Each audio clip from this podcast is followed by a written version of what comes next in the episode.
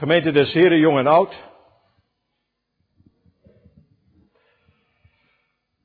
Om maar eens met een vraag vanmiddag te beginnen. Hoe ligt uw tuin erbij? Gesteld overigens dat u een tuin hebt, want dat spreekt natuurlijk ook niet voor iedereen.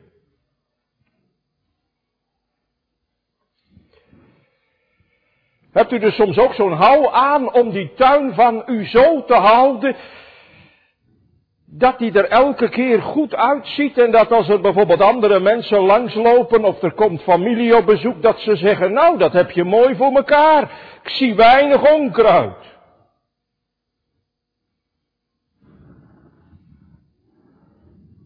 Zeg u nou dominee, het is maar goed dat de route die u vandaag gereden hebt vanuit Urk naar de kerk hier en vanuit Urk naar uw ouders in Zwijndrecht niet langs mijn tuin komt.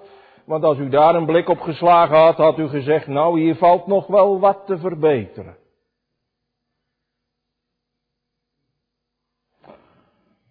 En laat ik maar eerlijk zijn gemeente, die gedachten die ik zo verwoord, en als je in je tuin bezig bent, die kunnen die gedachten door je heen gaan, die, dat zijn ook wel gedachten die regelmatig door mezelf heen gaan. Een van de taken die ik in het gezin op me genomen heb. Je moet die dingen immers wat verdelen. Dat is dat ik de tuin probeer bij te houden. En met zo'n duizend vierkante meter ben je dan wel even zoet, dat begrijpt u. En elk jaar dan betrap ik me er weer op dat ik denk, had ik nou maar eerder begonnen, want nou is het toch wel een hele kluif voor ik het er allemaal weer uit heb. En als je het er dan uit hebt, dan komt er natuurlijk ook op aan dat je het allemaal bijhoudt. In die tijd dat het toen zo droog was, ja, toen ging dat wel aardig. Maar toen die regenbuien begonnen te komen, dan kwam je een paar dagen later en dan dacht je, waar komt het vandaan, die rommel? Nou kan ik weer zo een paar uur er doorheen, voor ik het weer helemaal voor elkaar heb. Onkruid. Je kunt er knap last van hebben dus.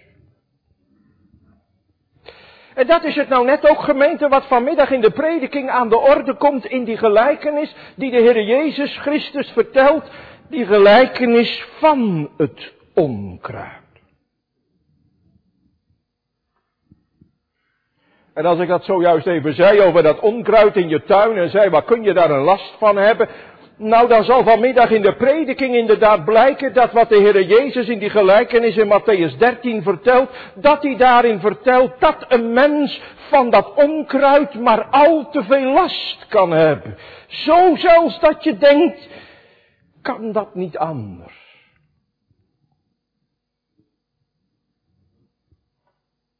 En we gaan vanmiddag samen luisteren naar de boodschap van die gelijkenis die we daarom maar heel eenvoudig ook vanmiddag als thema hebben meegegeven. Daar hoeft u niet lang over na te denken waarom. De gelijkenis van het onkruid en dan twee dingen. Twee soorten zaad komen op één akker. En twee soorten vrucht komen in één. De gelijkenis van het onkruid. Twee soorten zaad komen op één akker. En twee soorten vrucht worden geoogst in één oogst. Een van de regels gemeente die je altijd goed in de gaten moet houden als je de Bijbel gaat lezen en de Bijbel gaat uitleggen. En dat geldt niet alleen maar als je een preek maakt, maar ook als je persoonlijk bezig bent met het bestuderen van de Bijbel. Is dat je altijd goed moet kijken als een bepaald gedeelte ergens staat in wat voor omgeving staat.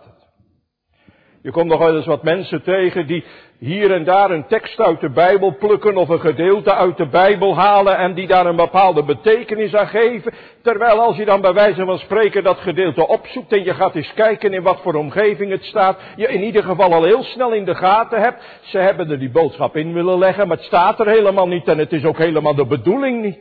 Dat blijkt alleen al uit wat er omheen staat.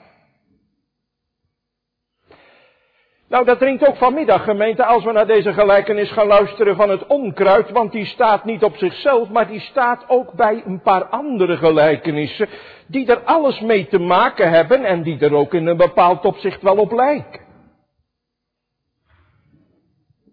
Want als u in dit hoofdstuk 13 uiteindelijk leest, dan ziet u dat er voor onze gelijkenis in ieder geval de gelijkenis staat van het zaad.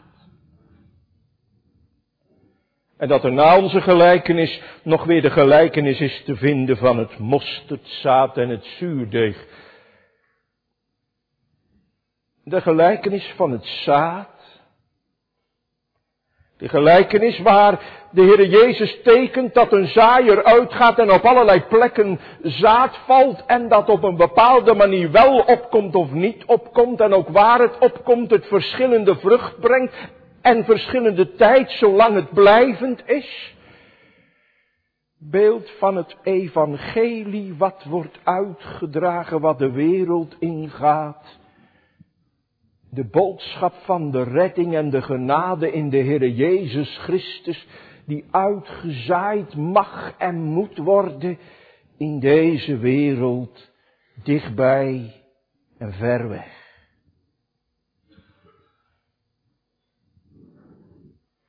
En met die gelijkenis van het mosterdzaad erbij maakt de Heer Jezus duidelijk dat dat werk van Hem, dat dat zaad wat Hij gebruikt, dat je soms zou kunnen denken, zou er nou werkelijk wel iets van terechtkomen? Zou er nou werkelijk met dat zaad wat gestrooid wordt wel iets goeds te verwachten zijn? Want het is maar zo onooglijk klein mosterdzaad, de kleinste zaden die als het ware voorhanden zijn, maar als het uiteindelijk zaait is en het brengt vrucht voort, kan het een boom voortbrengen waar je veel plezier van hebt. De Heere Jezus maakt duidelijk, dat koninkrijk van Hem, dat kan in het hele kleine beginnen. Maar als Hij het zegent, kan het een geweldige uitwerking hebben. Ja, ik zeg dat koninkrijk van Hem, want dat is goed om daarop te letten, gemeente. Zowel die gelijkenis van het zaad, als die gelijkenis van het mosterdzaad, als de gelijkenis vanmiddag van het onkruid daarin gaat het in alle drie erom om iets te tekenen van het koninkrijk der hemelen. Zo begint immers vanmiddag die gelijkenis. Een andere gelijkenis, vers 24, heeft hij hun voorgesteld, zeggende, het koninkrijk der hemelen is gelijk.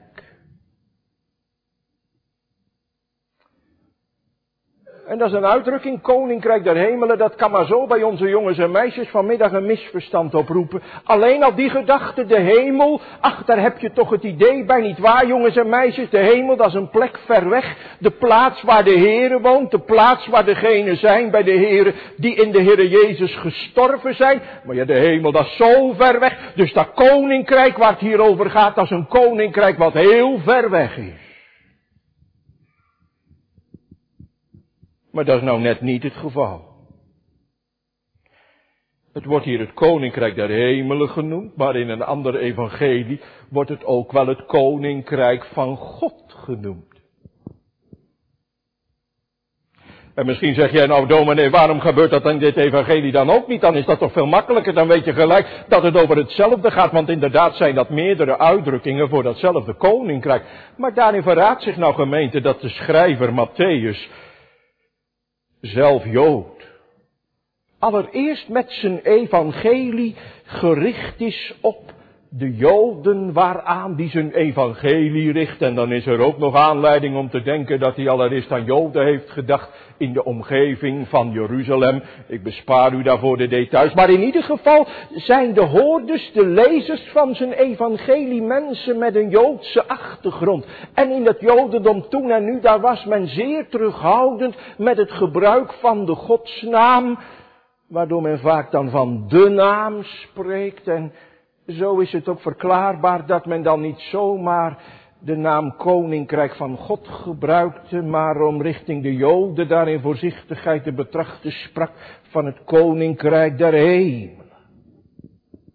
Het Koninkrijk waarvan de Koning de Heere zelf is, de Heere Jezus Christus, en die als koning onderdanen werft burgers voor dat koninkrijk. Dat koninkrijk waarvan we ook lezen dat in de komst van de Heere Jezus, dat koninkrijk der hemelen, jongens en meisjes, je weet toch, dat lijkt zo ver weg, maar dat de Heere in zijn woord zegt, dat is in de komst van Johannes de Doper en de Heere Jezus juist dichtbij, nabij gekomen. In de Heere Jezus Christus die naar deze wereld kwam, is dat koninkrijk der hemelen deze wereld ingegaan.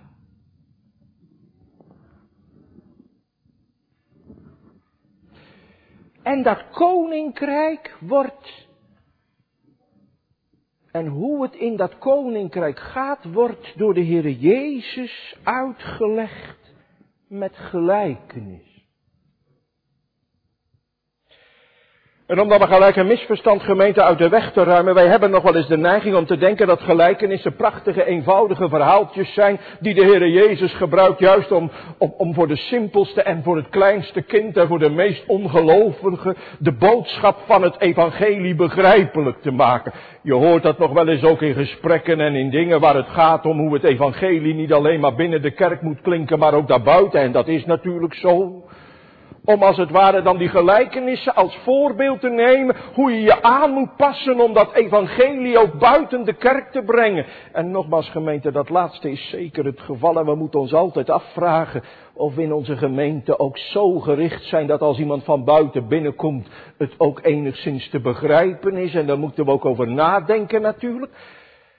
Maar die gelijkenissen waren helemaal niet bedoeld om een eenvoudig verhaaltje te vertellen, zodat het in één keer voor iedereen duidelijk wordt. Want als de discipelen in dit hoofdstuk vragen aan de Heere Jezus waarom hij gelijkenissen vertelt, dan zegt hij in vers 18 en 19 en volgende tegen zijn discipelen, want die vragen dat op een moment als ze even met elkaar zijn, dat vertel ik jullie, omdat het aan jullie en degene die mij kennen is gegeven om de dingen van het koninkrijk te begrijpen en door die gelijkenissen zullen jullie het gaan begrijpen. Maar degene die van mij niet zijn, daardoor wordt er door die gelijkenissen alleen nog maar een grotere sluier voorgehangen en begrijpen ze het niet. Het zijn dus maar niet zomaar eenvoudige verhaaltjes waardoor het in één keer duidelijk is.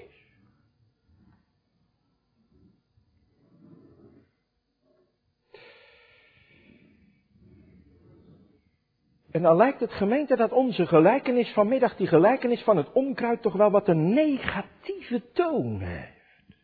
Die gelijkenis van het zaterdag zie je iemand uitgaan en er komt prachtige vrucht. Goed, er is ook plekken waar geen vrucht komt en plekken waar je zegt het blijft maar zo kort en het moet toch weer weg, maar toch en die gelijkenis van het mosterdzaad, dat God gaat werken ergens in een mensenleven en dat dat zo on, onzichtbaar begint en onooglijk soms kan beginnen, maar dat als God het werkt, het zulke grote gevolgen kan hebben. En dan zeg je, ja, er staat daar in één keer die gelijkenis tussen die toch eigenlijk wat negatief is, het onkruid.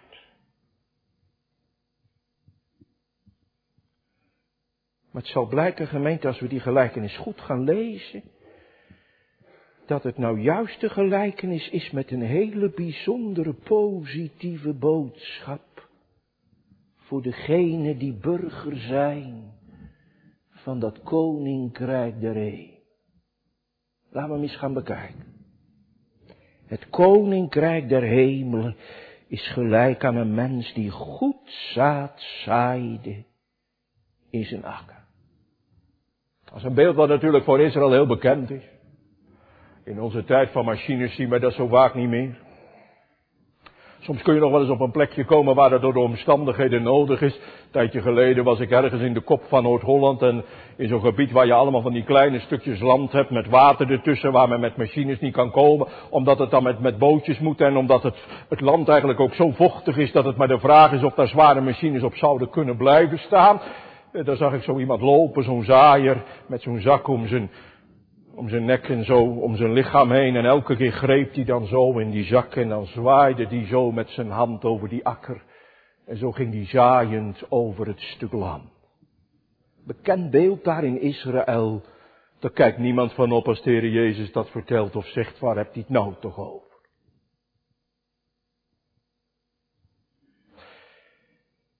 Maar en we moeten gelijk vanmiddag naar de vraag wat dat Satan is. U zegt nou dat is toch duidelijk? U hebt het net gehad over die andere gelijkenis, de gelijkenis van het zaad, hoe de Heer Jezus het evangelie laat voortgaan. Nou, daar heb je het hier over. En dan komt natuurlijk bij deze gelijkenis zometeen, dominee, de boodschap, dat waar de Heer zijn woord zaait, daar zaait de Satan ook het onkruid dus. En laten we maar eerlijk wezen, gemeente, als de Heer Jezus zijn uitleg niet gegeven had van deze gelijkenissen, dan hadden u en ik dat allemaal gedacht.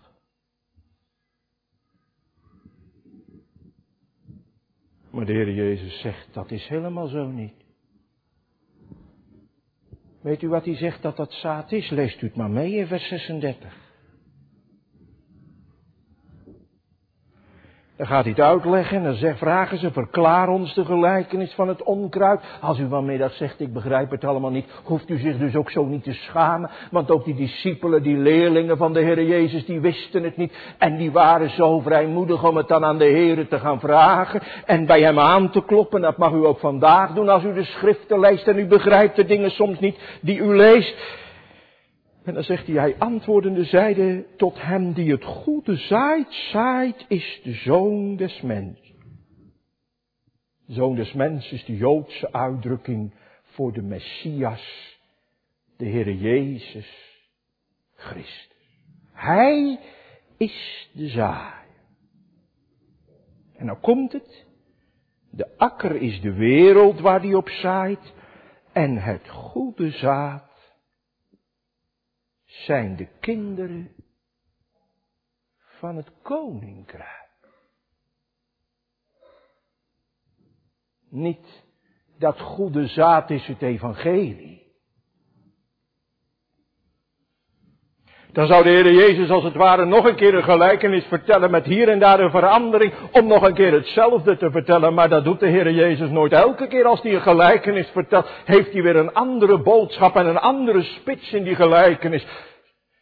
Dat zaad is hier niet zoals in die gelijkenis aan het begin van het hoofdstuk het evangelie wat wordt gezaaid. Dat zaad, dat zijn de kinderen van het koninkrijk dat zijn de kinderen van God, dat zijn de gelovigen, de volgelingen van de Heer Jezus.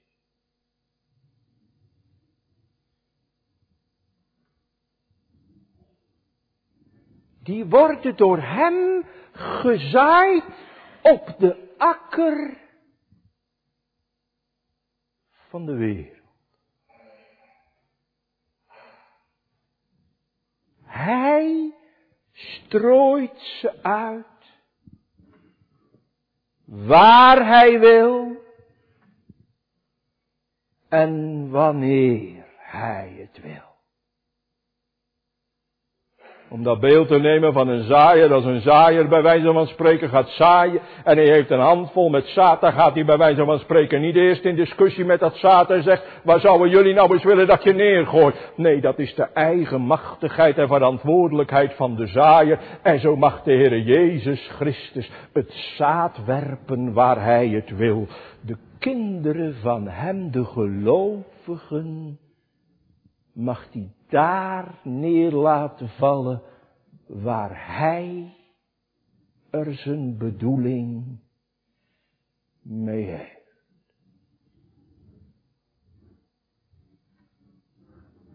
Dat zaad zijn dus de gelovigen.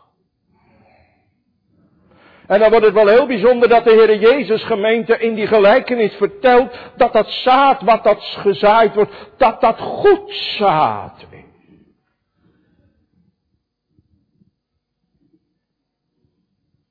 Want dat zijn dus mensen die de Heere Jezus Christus hebben liefgekregen en nodig hebben gekregen, die met hun zonden en ellende tot Hem zich ter genezing hebben gewend. Die als je het hen zelf zult vragen en zeggen zal, zeg vind je nu je de Heere kent dat je eigenlijk best wel een goed mens bent. Die zullen zeggen, wel nee, er mankeert zoveel aan. Ze zeggen misschien soms wel eens, ben ik wel een kind van de Heere en zou die met mij wel iets kunnen, want er is nog zoveel onvolkomens.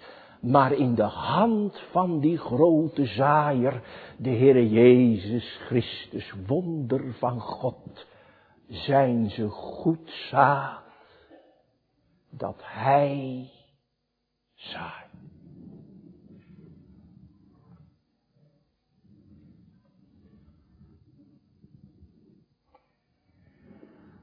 En als ik dan vanmiddag als het ware gemeente bij deze gelijkenis eens even de hand van die zaaier erbij neem.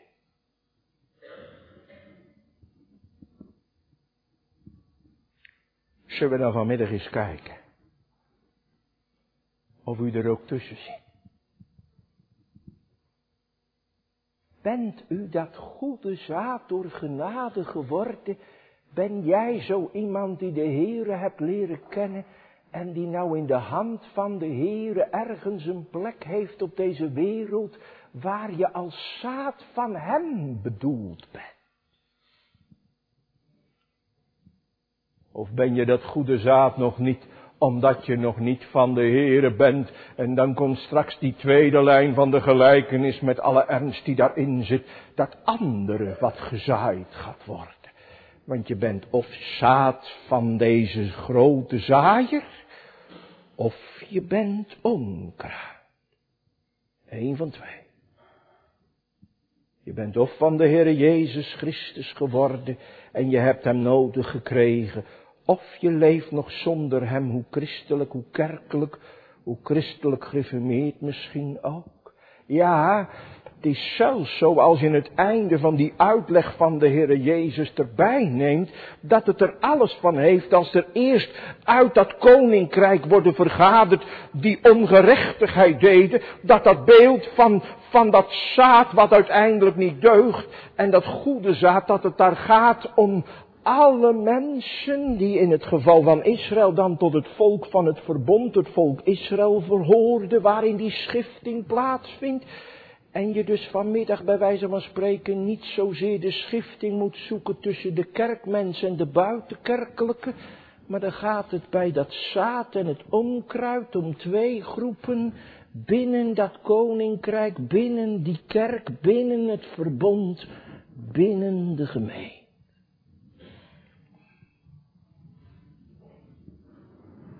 Nee, ik vraag u vanmiddag niet en ik vraag jou niet of je gelooft dat je goed bent. Ik heb al duidelijk gemaakt, juist wie de Heer Jezus lief kreeg, ontdekte dat hij in zichzelf niet goed is, maar dat hij alleen maar goed is dankzij de genade van Hem. Maar mag ik je toch vragen, mag u en mag jij geloven door genade dat je in zijn hand zaad geworden bent, dat je van hem geworden bent? Heb je hem nodig gekregen? Heb je hem lief gekregen? Heb je die Heere Jezus Christus die het zo waard is om gediend te worden? Is hij de koning van je leven geworden? Heeft hij intrek in jouw leven genomen? En mag hij koning zijn in dat koninkrijkje van jou? En heeft hij het daarvoor het zeggen gekregen? Als dat zo is, dan hoor je vanmiddag. Dan gaat hij je gebruiken als zaad. En we snappen allemaal, als je ergens zaad strooit, dan doe je dat opdat het dan in die grond uiteindelijk gaat ontkiemen en vrucht voortbrengt. God wil degene die van Hem zijn in deze wereld vruchtbaar maken, uitstrooien over deze wereld, opdat we daardoor Zijn genade vruchtbaar mogen zijn, middel in Zijn hand.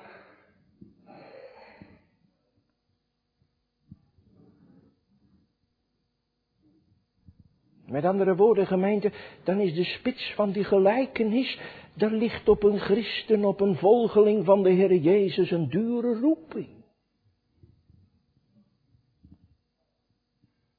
Want u hebt vanmiddag uzelf niet alleen maar de vraag te stellen, mag ik geloven dat ik door genade zaad geworden ben in de hand van die goede zaaier, de Heere Jezus Christus, in die, die doorboorde genadehand van de Heere Jezus. Maar je mag je dan vanmiddag ook afvragen, en mag ik nou geloven dat op de plaats waar die mij heeft neergelegd, dat ik daar vruchtbaar mag zijn. In je huwelijk, Ben je dat tot zegen van je man, van je vrouw? Omdat je vanuit de liefde van de Heere altijd zo met die ander om probeert te gaan, dat hij ook de liefde van de Heere erin proeft en er, er verlangend naar wordt en er zin aan krijgt. In je vriendenkring, waar je misschien gisteravond toch wel mee op stap was. Te midden van je kennis, te midden van je collega's, te midden van de buren in je straat.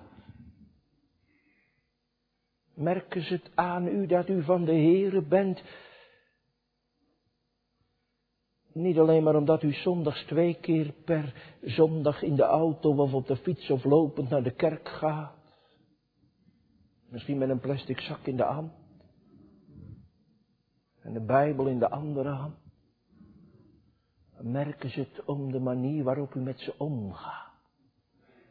Dat ze zeggen, je proeft bij die mensen een liefde die wij niet hebben. Je proeft daar iets van die God die ze zeggen te dienen. God wil zijn kinderen gebruiken als zaad. En dan kan u misschien wel eens denken, maar die plek waarop ik ben, dat bevalt me niet. Hij zo zaait waar hij wil en wanneer hij wil. Maar helaas gemeente, en ik haast me om verder te gaan, want de tijd gaat ook verder. Helaas is dit niet de enigste die zaait. Er komt er nog één. In de nacht. Tenminste, er staat in vers 25, als de mensen sliepen, kwam zijn vijand en zaaide onkruid midden in de tarwe en ging weg. Nou, u snapt als de mensen sliepen, dat is toch meestal bij nacht, als de duisternis over het land valt. En dat tekent het nou juist, want diegene die hier op die akker komt, dat is nou iemand die zo graag zijn werk in de duisternis doet, omdat zijn werken duisternis boos zijn. En hij zaait onkruid. En om maar gelijk gemeente naar de uitleg te gaan die de Heer Jezus ervan geeft, dan zegt de Heer Jezus dat onkruid zijn de kinderen van de boos. Dat zijn dus diegenen die zich niet laten leiden door de Heer Jezus Christus en door de Heer en door zijn woord en door zijn heilige geest. Maar die nog aan de hand lopen van de Satan. En dat zijn we van nature allemaal.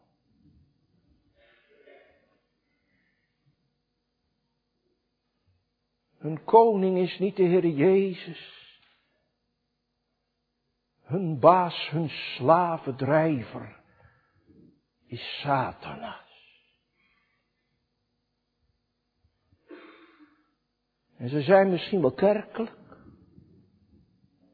En ze zijn misschien zelfs wel trouwkerkelijk. En ze zijn misschien wel christelijk gereformeerd. Misschien wel in Dordrecht Centrum zelfs.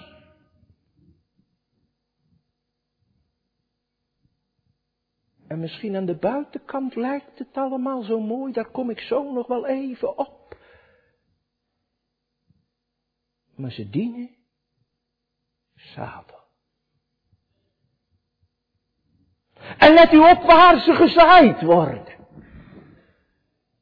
Die, die, die, die boze, de Satan die ze zaait in de nacht, die strooit zijn onkruid niet door over die akker te lopen en te zeggen, hé, hey, ik zie hier voetstappen en hier is, hier is al iemand bezig geweest met te zaaien. Nou ja, laat daar nou niet een beetje tussendoor gaan lopen. Zeg. Dan maak ik er zo'n potje van, er is ruimte zat, weet je wat, ik kies een ander stukje. Nee. Juist daar waar hij ziet dat er zaad is gevallen, daar waar kinderen van de Heere zijn, daar gooit hij zijn onkruid tussen.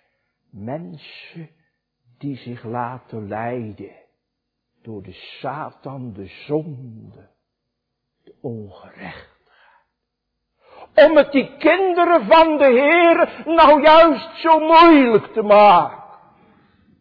In de hoop dat hij met dat onkruid, wat hij zaait als dat straks opkomt, dat goede zaad zo kan overheersen, zo kan laten verstikken, dat er van dat zaad niks terecht komt, dat hij het wint met zijn onkruid.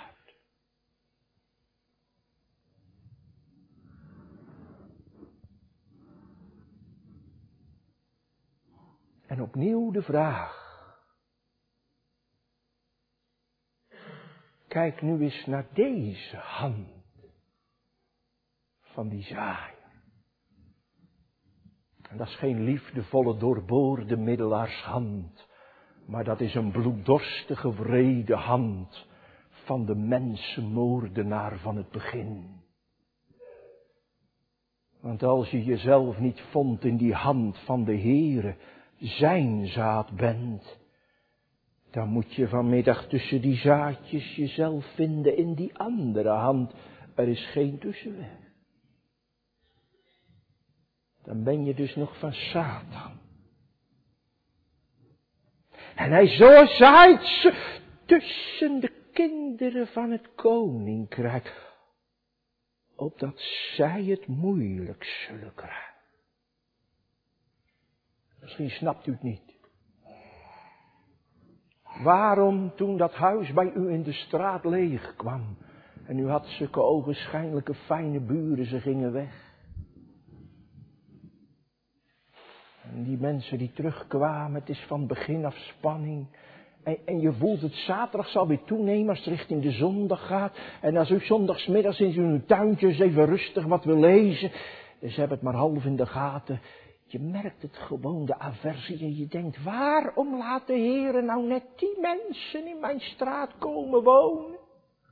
Waarom ging die ene persoon daar in dat bedrijf waar u werkt weg en kwam er die collega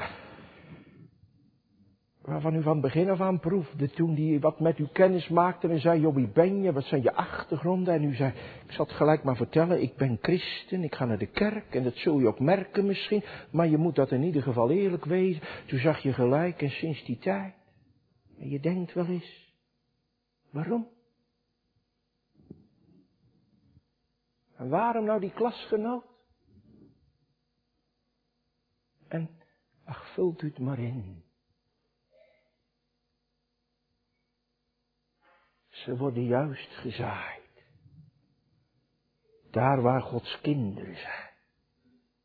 Ja, maar dan dominee, dat dan de Heer dat toelaat.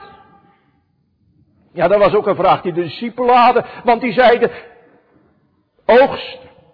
Nou, de discipelen die zeiden dat natuurlijk niet, maar in het beeld van die gelijkenis was de opmerking, als dan uiteindelijk dat onkruid opkomt, let u op. Het zaad komt op. Het onkruid komt op. En het verschil blijkt pas als er vrucht komt. Tot die tijd kan het verdacht veel op elkaar lijken. En dan kun je je dus naar twee kanten vergissen. Kunnen wij denken dat iemand zaad is en hij blijkt nog onkruid te zijn. Maar ook andersom kunnen wij denken, volgens mij is het nog onkruid en blijkt het goed zaad te zijn. Oordeelt niet op dat niet geoordeeld worden, zei Jezus toch? Nou, dat begrijpt u dan vanmiddag, denk ik. Maar op het moment als de vrucht komt, de tijd dat de vrucht komt, dan wordt openbaar wat goed zaad is en wat onkruid. En dan zijn de knechten er als de kippen bij om te zeggen, zullen we gelijk grote schoonmaak houden, weg met dat onkruid.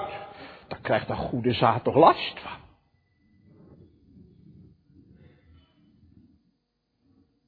En de merkwaardige boodschap. De meester van die akker zegt nee. Niet oogsten. Nu nog niet. Ja, maar, ja, maar dan gaan straks die goede planten eraan. Nee, het is precies andersom. Die eigenaar van die, van die akker, die goede mens, die dat goede zaait, zaait, die zoon des mensen, die Heere Jezus Christus, die zegt, weet je, Als wij nou grote schoonmaak gaan houden, als wij nu uiteindelijk al gaan oogsten, in ieder geval het onkruid binnenhalen. Dan is het gevaar dat je ook vers 29 tarwe uittrekt.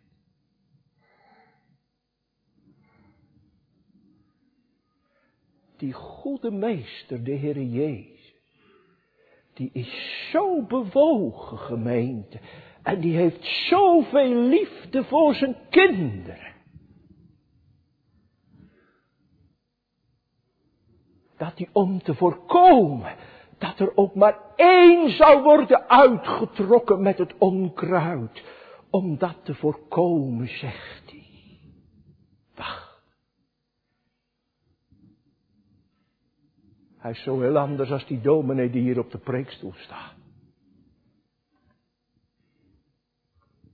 Toen hij een paar jaar geleden bezig was in de tuin. Toen dacht hij, laat ik het nou eens goed aanpakken. En een dominee heeft wel eens van bepaalde dingen verstand, maar soms ook van bepaalde dingen niet. Ik tenminste wel, en zonder andere van planten.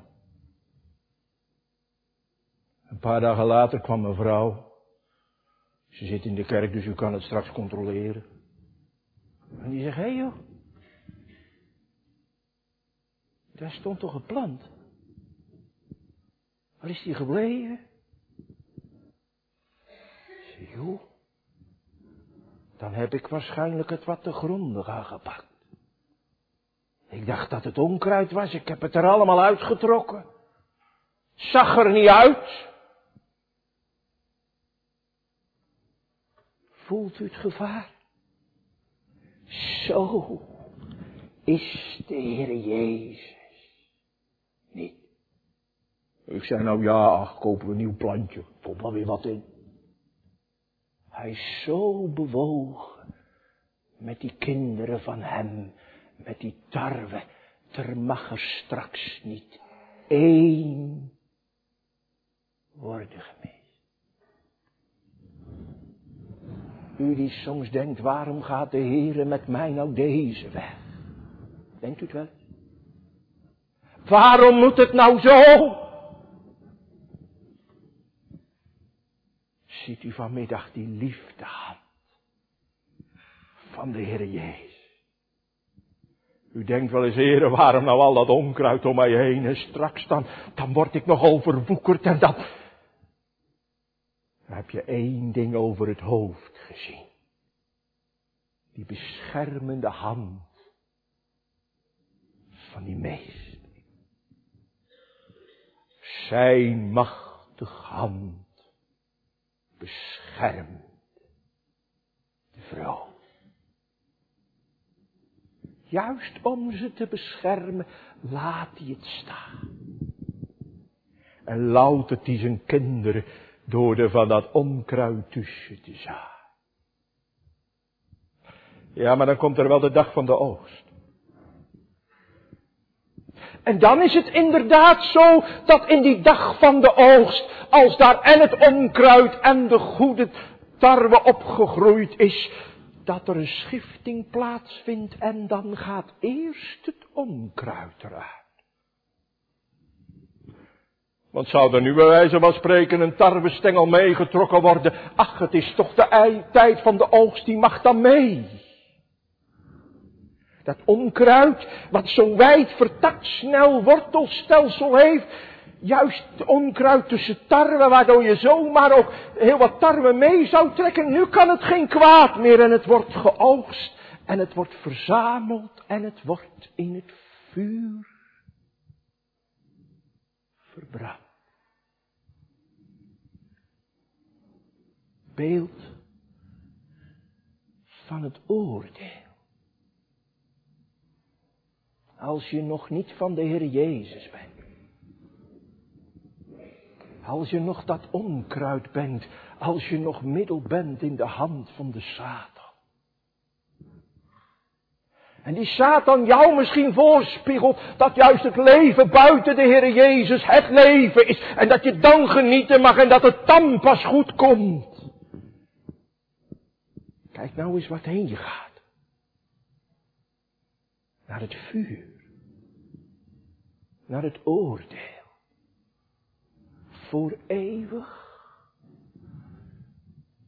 verloren. En ik schreeuw dat vanmiddag niet door de kerk. Want dat is heel ingrijpend. Terwijl die goede landman je leven lang bezig is geweest om je van onkruid te veranderen in goed zaad. Ja, dat kan in de natuur natuurlijk niet dat onkruidzaad goed zaad wordt, maar dat kan nou bij God dus wel. De Heer Jezus Christus kan door het werk van zijn genade een mens zo veranderen door zijn woord en zijn heilige geest. Ons zo gaan vernieuwen door de wedergeboorte. Ons zo gaan veranderen dat we van onkruid goed zaad worden. En vanmiddag komt hij door de rijen heen en nodigt u en jou om zaad te worden in zijn doorboorde hand.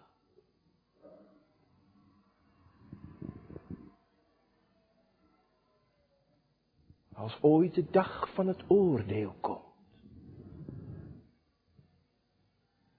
En je hebt de Heer Jezus niet lief gekregen. Zal deze middag, deze preek tegen je getuigen dan zal de Heere zeggen, toen heb ik je gewaarschuwd. En met de liefde van, van zijn hart zendt hij vanmiddag zijn dienaar om jou en u wakker te schudden en te zeggen, bekeer je tot mij. Vlucht tot die goede zaaier, die zichzelf heeft laten uitzaaien niet om prachtige vrucht gelijk voor te brengen, maar om eerst te sterven in de dood en de hel in te gaan. Om vruchten voor te brengen, ja, om velen zo tot zaligheid te brengen. Maar daarna komt er die andere oost. Van dat goede zaad.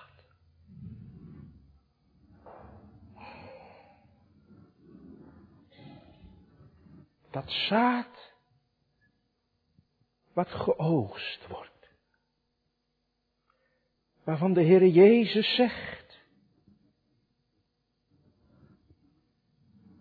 dan, vers 43, zullen de rechtvaardigen blinken gelijk de zon in het koninkrijk van hun vader. Als de Heer Jezus die kinderen van God, die op de dag van het oordeel worden binnengehaald, tekent, dan zegt hij, ze zullen blinken, schitteren, als de zon. Nou, jullie snappen wel, jongens en meisjes, als de zon prachtig schijnt, en je probeert erin te kijken, dat lukt je niet. Zo scherp, zo heerlijk. Of als de zon op iets, iets heel glimmends, een metaal bijvoorbeeld, of iets kristals schijnt, dan kan dat zo scherp zijn dat je zegt, ik moet mijn hand voor mijn ogen doen, het verblindt. kinderen van God, straks in het oordeel, die zullen blinken. Snapt u het? Die mens die in zichzelf zo, mag ik het zo zeggen, zo dof, zo glansloos, zo vies, zo zwart van zonde zijn. Die heeft hij vernieuwd en gewassen en gereinigd. Zodat ze straks ja, maar dat wacht tot die grote toekomst dan tenminste volkomen. Zodat ze straks als de heerlijkheid van God op hen straalt. Die heerlijkheid zullen weerkaatsen, vol van zijn heerlijkheid. Begrijpt u? Juist u die de Heere kent, die soms zo klagen moet dat het hier allemaal nog zo onder de maat is. U die misschien juist daarom wel eens zegt, Heere, zou het met mij wel ooit goed komen? Zouden wij wel eenmaal komen waar de levensstroom ontspringt? En dan altijd groene zomer, Christus kerk, zijn lof steeds zingt. Maar dan hoort u het vanmiddag, ja, zij zullen eenmaal komen. Niet omdat zij zo goed zijn, niet omdat zij het volhouden, maar omdat Hij zo goed is. Omdat Hij ze bewaart en beschermt, omdat Hij ze gewassen heeft en gereinigd heeft in zijn bloed, omdat Hij ze nieuw gemaakt heeft en straks thuis haalt. Om voor eeuwig te schitteren van Zijn genade. dan schitter je misschien hier niet. En dan heb je hem hier misschien zo last van dat onkruid om je levenstuintje heen. Maar kijk dan eens waar het heen gaat. Kind van hem. Naar die heerlijkheid als hij ze straks thuis haalt. Die hoop, die doet toch al ons leed verzagen. Daarom, die hier bedrukt met tranen zaait, zal juich als hij vruchten maakt. Amen.